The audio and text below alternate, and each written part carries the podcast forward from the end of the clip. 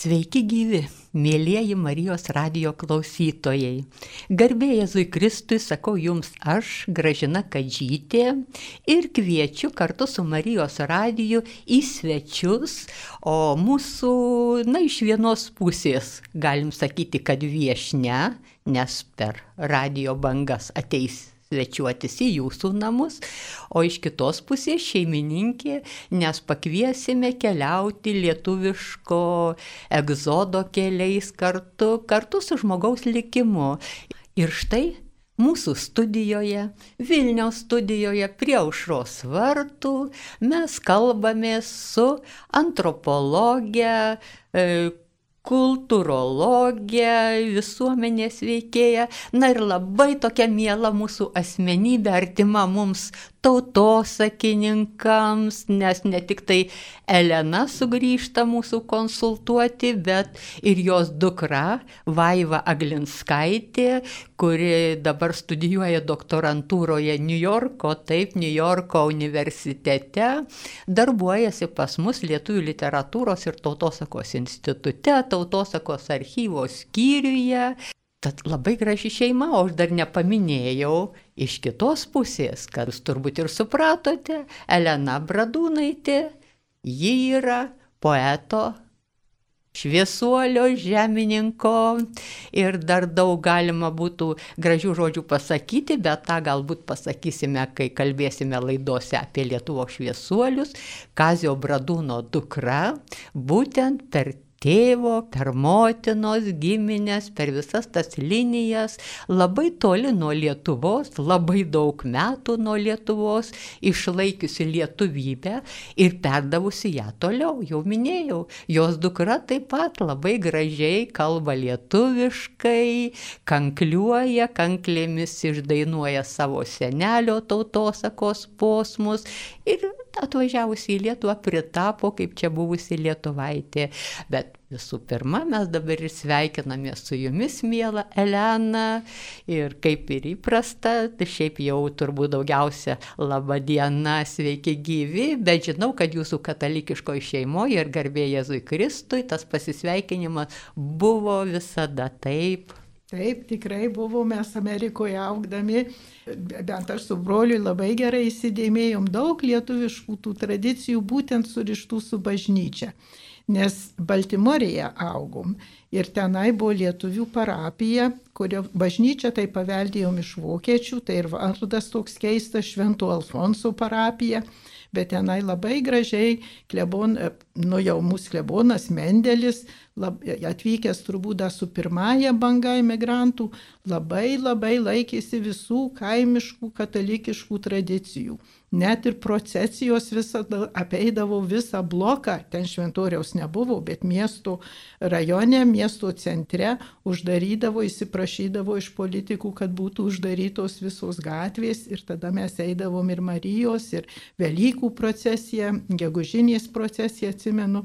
Nu, labai, labai gražiai mums buvo ta, tas perduota kaip labai svarbus ritualai.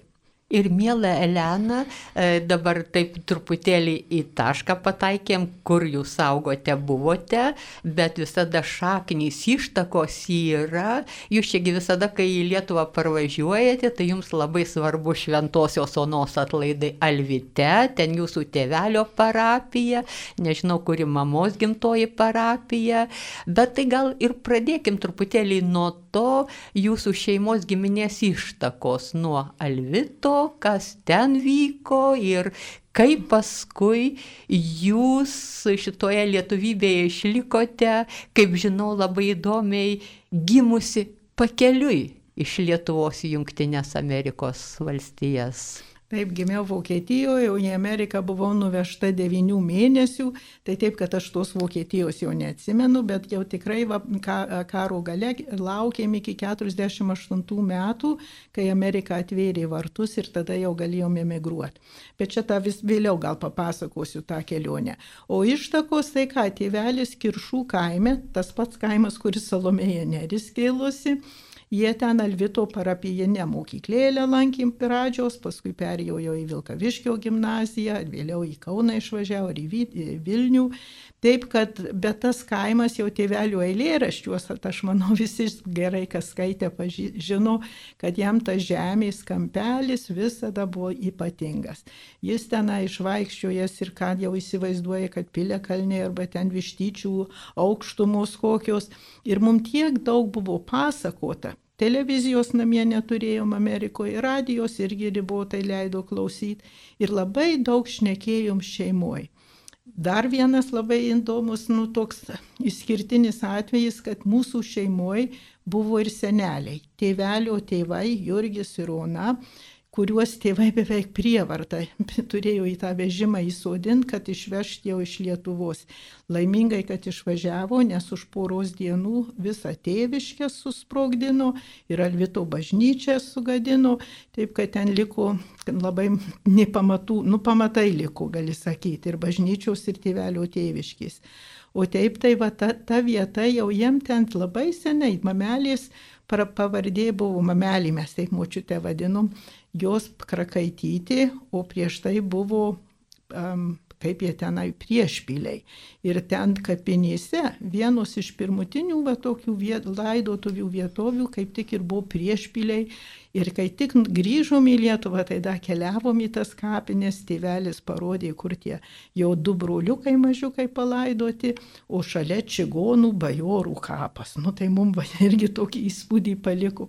Bet daug buvo pasakota ir apie tradicijas. Senelis Jurgis tėtukas mes jį vadinom, mane ir brolį išmokino ir šventą Jurgio visą giesmę ir Mariją Magdaleną iš Kantičkų. Taip kaip mūdu mažiukai Baltimorėje augdami, dažnai būdavom nu, prievarta beveik prašomi, kad pagėdotumėm tas giesmės. Jos ypatingai buvo labai artimos tai pirmai bangai emigrantų, kur išvažiavę iš Lietuvos gal XIX amžiaus gale, XX pradžioje ir jiem va tos kantičkinės giesmės buvo labai labai artimos prie širdies. Tai taip, kad aš sakau, kartais galiu sakyti, paveldėjau dar XIX amžiaus Lietuvą per senelių pasakojimus, o paskui dar ir tėvelių.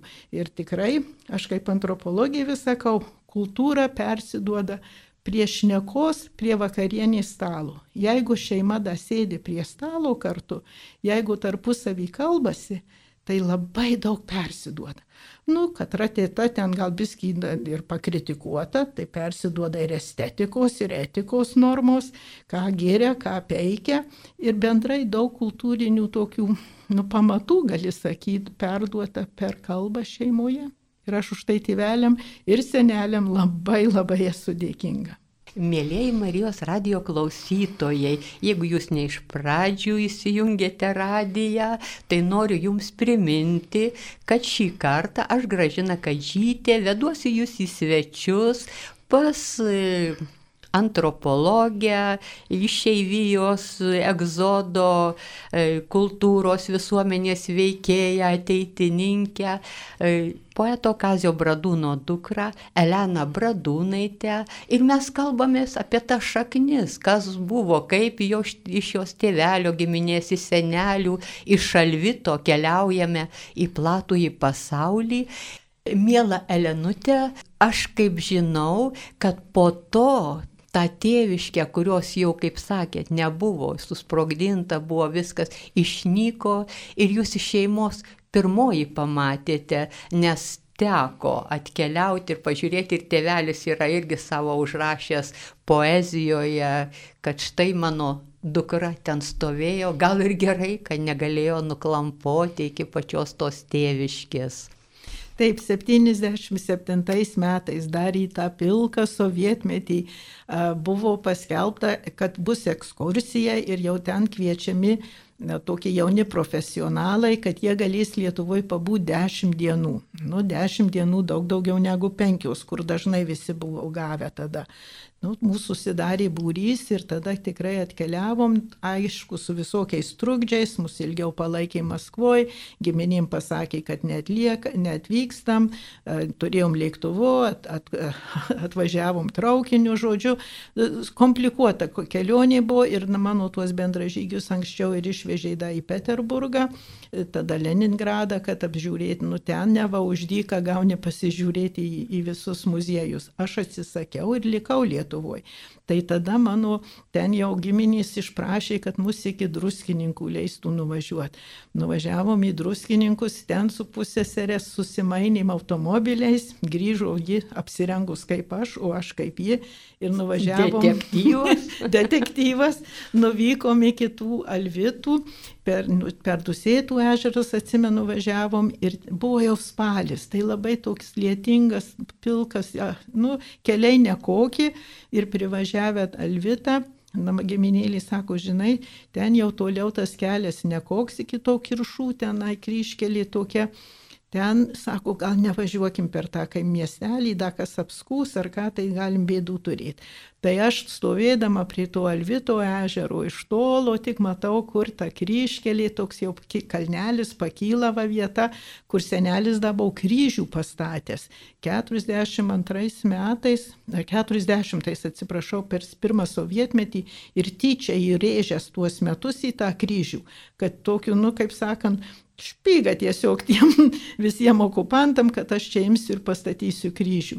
Tai taip ir padarė ir tas kryžius ten nu aš jo tiesiog nežinau, neatsimenu dabar ar mačiau, man vėliau tik įsirašęs, bet prie tų Alvito ežero iš tolo bent mačiau tą kalvą, kur tėvelių va, sodyba buvo.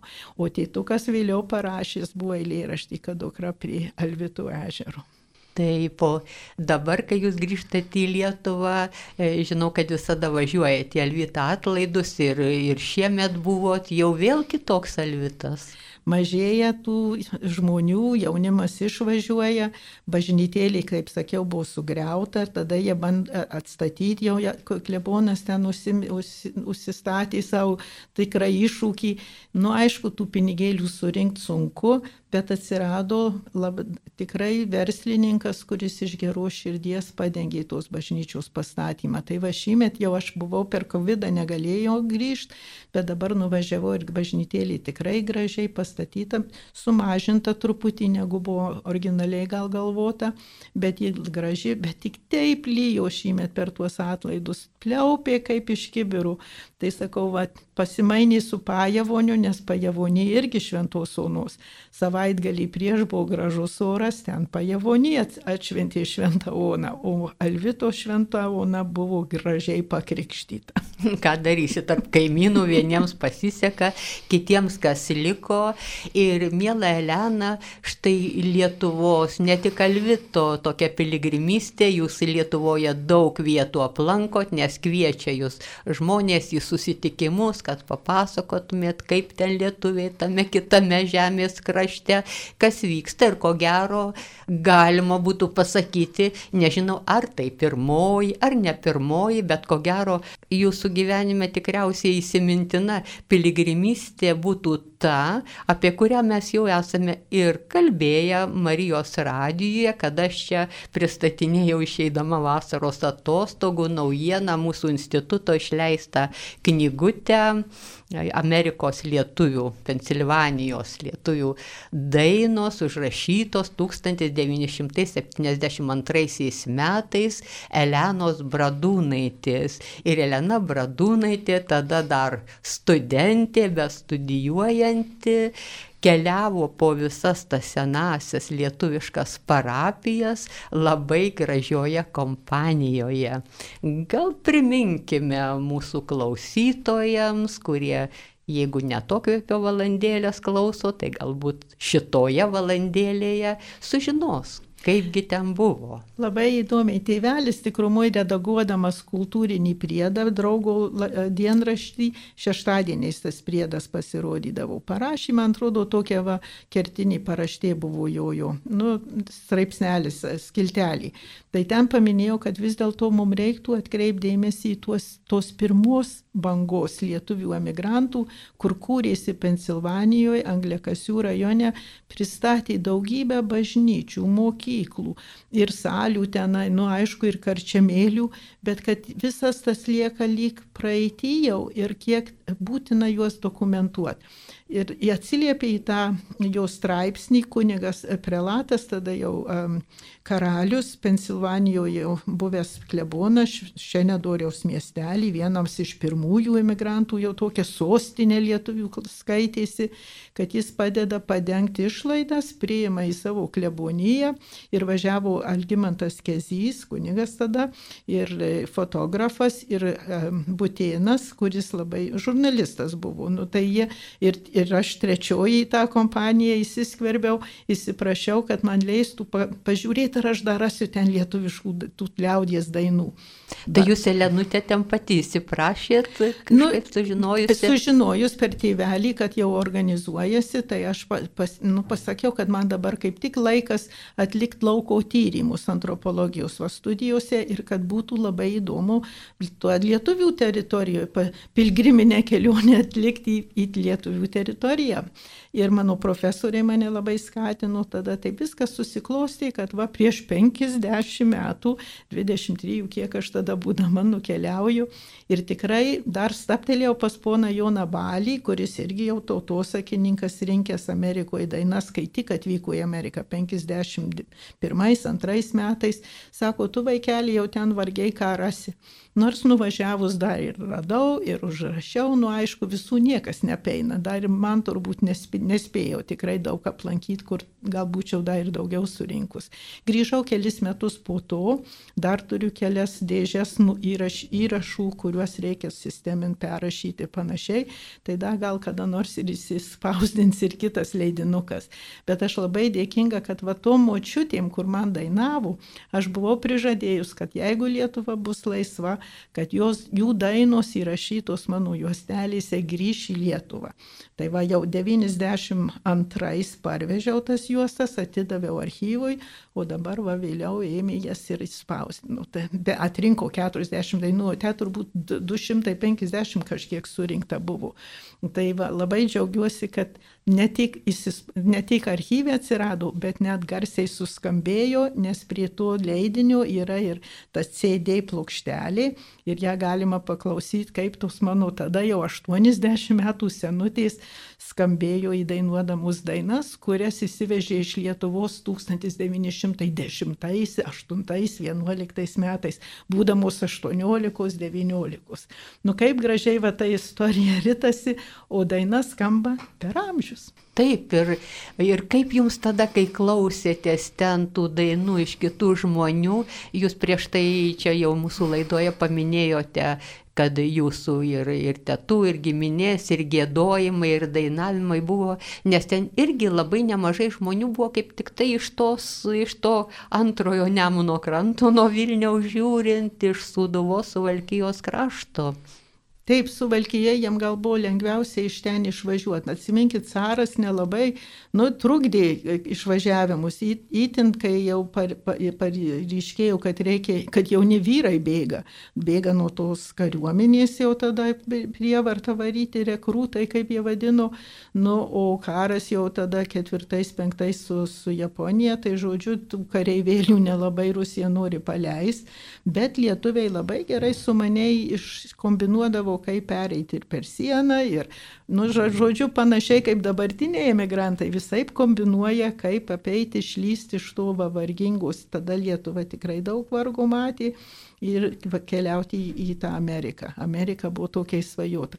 Nuvažiuoja keli, tada rašo laiškus kitiem, tos mano moterėlės beveik visos buvo brolių priviliotos, nes ten trūko merginų kad vyrukai važiuoja, tai tada reikia nu, šeimas kurt kažkaip, o Lenk, su Lenkijam niekada nebuvo draugystė didelė, o airiai, italai ar slovakai ar kruatai kokie irgi nelabai atiduoda dukras už lietuvių. Taip, kad lietuviai laukia, kol sesės, draugės ar kas galėtų atkeliauti. Tai taip, tos mano moterėlės ten ir atsirado ir jom daina buvo tikrai kaip jie sako, o jūs mano dainelės, jūs mano patieka, visas mano skausmas pas jumis palieka. Tai jos ir sakė, kad ir toje Amerikoje jom gyvenimas nebuvo lengvas, bet daina bent joms suteikė tam tikrus sparnus pakilt virš tos pilkos irgi, nu, savotiškos vargo, vargo ten irgi užteko.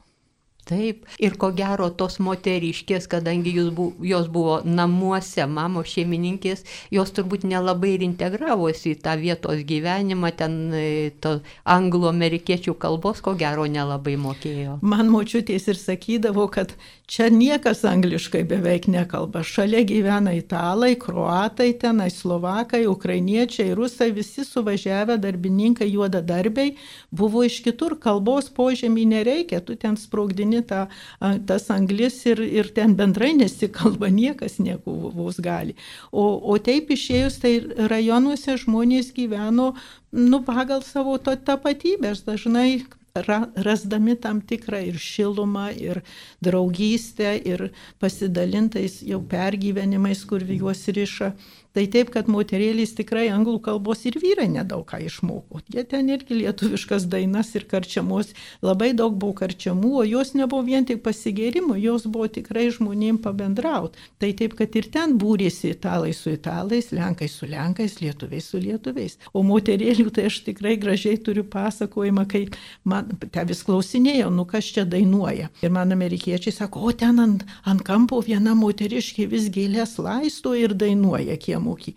Sakau, kaip jos vardas? Nelly Raymond. Sakau, tai airiškas toks vardas tikrai bus. Nueinu pasibaladoju, sakau, Mrs. Raymond, do you sing folk songs? Ta žiūri į mane tokiam stikliniam akim, sako, no speak English. Goodbye. ir trenkia duris. Tada aš iš tos no speak English maždaug užjaučiau lietuvišką akcentą, sakau, teto, o gal kalbat lietuviškai? Nu, vaikeli, jei tu šneki lietuviškai, tai ko tu man nesakei? Nu, ir paskui aš pas ją net ir apsigyvenau ilgesniam laikui. Pasirodo, ta Nelly Raymond buvo Anelė Ramylienė. Angliškai mokėjo kelias frazes. Shut up, good night and sleep in tight, no speak English. Ir viskas. Na, va, taip tokie potyriai. Taigi pirmoji ta banga, o jūsų tėvelė, jūsų šeima, jau ta antroji banga jau buvo kitokia situacija ir jums jau turbūt net reikėjo galvoti, kaip rimtai laikyti vadžias, kad šeimoje besimokantiems vaikams išsaugoti tą lietuviškąją kalbą, lietuvių paprotyną. Da, sakau, labai didelį dėka tai pirmai kartai, kuri pastatė bažnyčias, mokyklas, kur va antroji pokarių, reiškia jau po antro pasaulinio karo. Per nepriklausomą Lietuvą iš mažai iš emigravo. Jeigu kas, tai daugiau į Argentiną, Braziliją, Pietų Ameriką. Į Ameriką nedaug, net iš Amerikos grįžo daug ūkininkauti arba kokį versliuką atsidaryti kybartuos ar jurbarkė ar kur. Bet taip tai, kad e, antra didžioji emigrantų banga buvo po antro pasaulinio karo, va inteligentija, kuri bėgo arba pasiturintys ūkininkai, arba kas verslo šiek tiek jau turėjo. Taip, kad irgi nebuvo vien tik inteligentija, bet didelį, pro, didelis procentas buvo rašytojų, dailininkų, menininkų, tų aktorių, operos solistų, muzikantų, žodžiu, tikrai didelį grėtinėlį Lietuvos. Tai tie atsiradę Vokietijoje penkis metus ten pagyvenę stovyklose dar labiau susibūrė, nes visi pergyvenę tą patį pergyvenimą, palikę giminės, laukia, kad manų, kad greit grįž, tas grįžimas neįvyksta ir tada keliauja į Ameriką. Arba Kanadą, kai kurie ir į Pietų Amerikas, bet daugiausiai į Ameriką ir tenai kūrėsi jau vėl kolonijos. Tiesiog lietuviai susibūrė prie tų bažnytėlių, prie mokyklų, vaikai eina į tas mokyklas, kazimierietės seselės arba ten kitos. Trys vienuolynai moterų įsikūrė Amerikoje iš tos pirmos kartos, kad būtų mokytojos tose parapijinėse mokyklose. Ir jos mums padeda, nes namuose tik lietuviškai kalbam, šešių, septynių metų jau einam į mokyklėlę, da angliškai nemokam, bet tos seselės seselės labai gražiai mums padėjo per, pereit tą tiltą, gali sakyti, jau į amerikonų pasaulį. O mes su broliu parėję jau kokiam antram skyriui pradedam tarpusavyje angliškai. Tėvelis tuo ant lentynos užpaišo ant lentos tokius žmogiukus visą eilę angliškai kalbančių, po to ten itališkai, prancūziškai, vokiškai, žodžiu, mažėja tų žmogelių tokių pagaliukų tose eilėse, ant pačios kalb, lietuviškai kalbančių keturi žmogiukai. Tėtė tada nutrina du pirmoje eilėje angliškai, ką, sako, žiūrėkit, kiek dar lieka, jeigu du nekalba. Kitų ten irgi ir vokiečių, ir italų, ir prancūzų, vis tiek tų žmonių daug lieka o paskui nutrina paskui du lietuviškai kalbančius, Jurgį ir mane, nusako, žiūrėk, kiek mūsų liks. Ir nuo tos dienos brolis ir aš tarpusavį vien tik lietuviškai kalbėjom.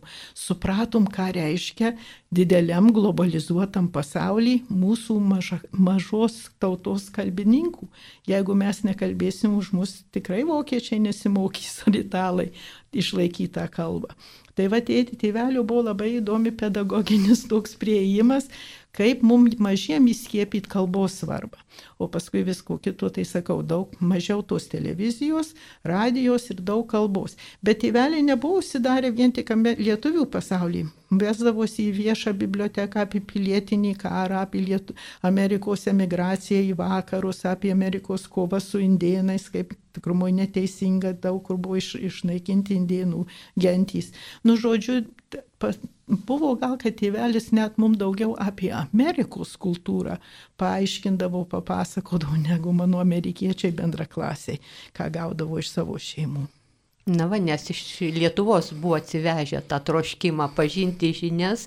E, tarp kitko, aš įterpsiu savo trigrašį E, mano kaimynų dukrelė Anglijoje baigė koledžą, dabar gavo tokį ir gerą darbą, dar tam magistrantūrą studijuoja, pasirodo jinai, kaip sakė, kad irgi e, jos bendrakursiai, kai susigalvoja kur nors kokią savaitgalio ekskursiją, ar nors, jie paprašiau pramogų parkai, kažkas apsipirkti. Ir štai ta lietuvaitė dažnai jam pasiūlo, yra toks muziejus įdomus, yra dar toks, čia matyt buvo mūsų. Čia pavelda jau tos, gali sakyti, nepriklausomos Lietuvos ugdymo pasiekmės, kur žmonėms buvo pirmiausiai įkalta kad jie bus Lietuvai svarbus. Ar jie bus rašytojai, ar inžinieriai, ar šiukšlių vežiotojai, kaip tėvitė sakė, kiekvienas žmogus bus svarbus. O tie, kur jau patenka į universitetus iš kaimo, bent šeima bandydavo bent vieną vaiką jau iš, išleisti į mokslus, kad jų pareiga tą mokslą, tą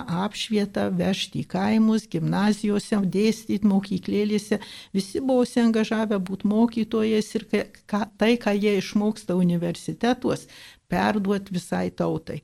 Ir tas va noras geriausiai įrodytas galbūt Amerikoje 53 metais, da jie tik pradeda kurtis, tai emigrantai pokariu, ir jau jie nutarė leisti enciklopediją viso pasaulio žinyną, tų laikų Google'is, gali sakyti, nuo astronomijos iki zoologijos, aišku, ten yra apie kiekvieną Lietuvos kaimą ir viską, bet taip pat ir apie Beethoveną, ir apie Van Gogą, viską. Sudeda laisvalaikiu, ta visa inteligentija sėdi laisvų laikų po juodų darbų ir rašo tuos straipsnius enciklopedijai. 30 tomų išleidžia. Ir tai buvo dalinai dovana tiem, kur nespėjo mokslų baigti Lietuvoje, kad jie galėtų apsišviest. Ir dar kitas akstinas, kad ta jaunesnė karta, va tokį kaip aš augdami Amerikoje, mokindamiesi apie bet ką, galima atsiversti biblio, tą e, enciklopediją ir žodynų prasiturtinti lietuvių kalboje apie tą pačią temą. Na va, tai ir buvo labai svarbus dalykas ir iš mūsų pokalbių tai man yra įstrigęs, Elenutė, kaip jūs sakėte, irgi galima sakyti tokia sentencija, sparnuotas neposakis sakinys, kur jūsų tėvelis dainavo stovykloje užrašė ačiū Dainavai ir Lietuvai, kada vaikai sukūrė lietuviškas šeimas. Kryžių pastatė Dainavoje yra kalvelė, ant kurios statų kryžius šeimos dažnai arba organizacijos ir ten tėvelis taip ir įrašė dėkingas daiva, da, daina, Dievui ir Dainavai. Ir tai tikrai mūsų šeimoje nu, gal, kai mes jau įsiskirstum į universitetų studentai būdami, tai aišku, kad susipažįstam su visokių tautų žmonėm. Ir, ir ta, tas meilės angeliukas gali bet kur pataikyti su strėlė. Bet mum tikrai tėvai dar irgi sudarė sąlygas, kad suktumėmės lietuvių tarpės, stovyklos įsteigtos, jaunimo kongresai, šokių grupės, chorai, kad mes būdami 17, 18, 20 susimirkstytumėm su lietuviais. Ir čia, sakau, gali kas nors tą kritikuoti, bet tikrumoje, kiek matė Amerikoje, kad žmonės vis dėlto leng... gyvenimas ir taip nelengvas susivedybų santuokose dažnai būna, bet kai kultūriniai ryšiai riša žmonės, kai giminės gali susikalbėti ir su uošviais, ir, ir uošviai tarpusavį, tas labai daug padeda paskui įsilaikyti šeimų. Dar, sakau, kiek dievulis duoda tų metų. O taip tai visko būna. Ir, ir tų ir mišrių šeimų buvo, ir kai kurios išlaiko, kai kuriuom jau sunkiau darosi. Čia be abejo. Ir šitie dalykai labai reikalingi, labai svarbus, kaip jūs ir sakot, ir ta bendruomenė, ir giminystė, juk ir tai, kad buvo pirma tai iškeliavusi kartą į Ameriką, kad toj pirmoji kartoje irgi buvo kokie nors tolimi pusbroliai, gentys, dėdės, tetos, čiagi ir palengvino ir jūsų kartos kelionę. Taip, mes į tą Baltimorę keliavom, nes senelio pusbrolis rodos buvo Antanas Bradūnas, išvažiavęs dar XIX amžiaus gale ir jau ten atsiradęs, neturėjo kelias siuvyklas Baltimorė, jau ten daug lietuvių siuvyklose tiesiog dirbo irgi. Ir jis pas, matė tuos sąrašus, ar aš tiesiog neatsimenu, bet žinau, kad sąrašai žmonių, kur ieškojau giminių, žodžiu, jam aišku buvo, kad Bradūnų va ieškosi šeima ir jis mums paruošė ta, tuos prieimimo dokumentus, kad padės duos pastogę, kad padės darbus susiras, kad mes neatsirasim kažkur šalpos prašydami viešai. Tai taip, kad visi beveik tas pirmoji banga tikrai labai daug tų pirm, antra, antros bangos dipukai, kaip sakydom, displaced persons, angliškai reiškia išvietintų žmonių, karo išvietinti. Tuos prieimė ta pirmoji karta. Ir nors, sakau, įsilavinimas skyrėsi, ta pirmoji buvo tikrai beraščiai išvažiavę kiti, aišku, išmoko kiti šliupastė, kiti jau tą ir kunigai labai, labai švietimą jau siūlė ir, ir skatino Amerikoje. Taip, kad pramoko ir tas kantičkas skaityti, nes tėveliai duodavo kantičką, sako, vaikelė, tu išmok Amerikoje skaityti iš tų kantičkų. Tai taip, kad jie išmoko, bet jie toli gražu nebuvo tiek įsilavinę, kiek ta antroji banga. Tai va kultūrinis toks nu, susidomėjimas temom, literatūros vakarus ruošia, nu, pirmoji banga neteina. Pirmoji banga ruošia gegužinę, tai da ir antra banga nueina. Bet kur jie visi gražiai sus, suėjo kartu ir rado bendrą ir kalbą, ir maldą, tai buvo bažnyčiose. Ir ten, va, tas, kaip pradėjom pasakot, tie papročiai, tos pulkim ant kelių giesmė, viskas labai gražiai susi, surišo ir tą pirmą ir antrą bangą. Ir ten galbūt daugiausia buvo bendrauta. Ir man atrodo, kad šitas jau paskui parėjo, nes yra tekę kalbėtis su kanklelių vadovė Daiva Čičinskienė, kad jinai kai kurias giesmės tiesiog parsivežė sukurtas Junktinėse Amerikos valstijose, Kanadoje, lietuvių muzikų, ten buvo ir išlaikomas tas senasis klodas ir kūriamas naujasis. Visada kunigas Įla labai gražių giesmių parašęs buvo ir, ir poetų žodžiai, kažkur ta viena labai graži graži, kaip grįžtančius namo paukščius iš eivijos. Mes stovyklose dažnai užbaigdavom ateitininkų stovyklą, vakare užsibaigę, te, te, te žydė vėliai Lietuva. Nu, labai graži giesmė ir ten tikrai va tas mūsų suburdavo irgi. Kur kūryba tėvelis vis sakydavo, kad Lietuva įsilaikė dėka mūsų kūrybingumo kad mes tiek tūkstančius metų galėjom tautosaką sukurti. Tai čia ir tos pasakos, ir legendos, ir dainos. Mūsų kūryba, meno srityje irgi žiūrėkit tautodailį. Nu gerai, mes gal be nieko daug nerašym, bet mes kūrėm. Ir ta kūryba taip pat buvo didelis akstinas per nepriklausomą Lietuvą. Lietuviai labai savim pasitikėjo. Ir Petravičius, dailininkas, laimėjęs pirmą premiją ten Paryžiuje už savo grafiką. Ir va šatriečiai, tėvelis Mačernis, Niliūnas, ten visi kiti tuo metu studentai. Bet jie tiki, kad jie tikrai išmoks vokiečių kelias kalbas, tą kalbą perskaitys jų literatūrą, o kur savo, iš savo kažkokios, nu, irgi to lobio, kur perdavė jiem kartą kartų per tūkstančius metų sukurta. Tai va tas, tas toks testinumas, pajutimas to testinumu, bet gerai ir ją pažino, nes patys užrašinėjau tautosaką kai kur savo kaimuose.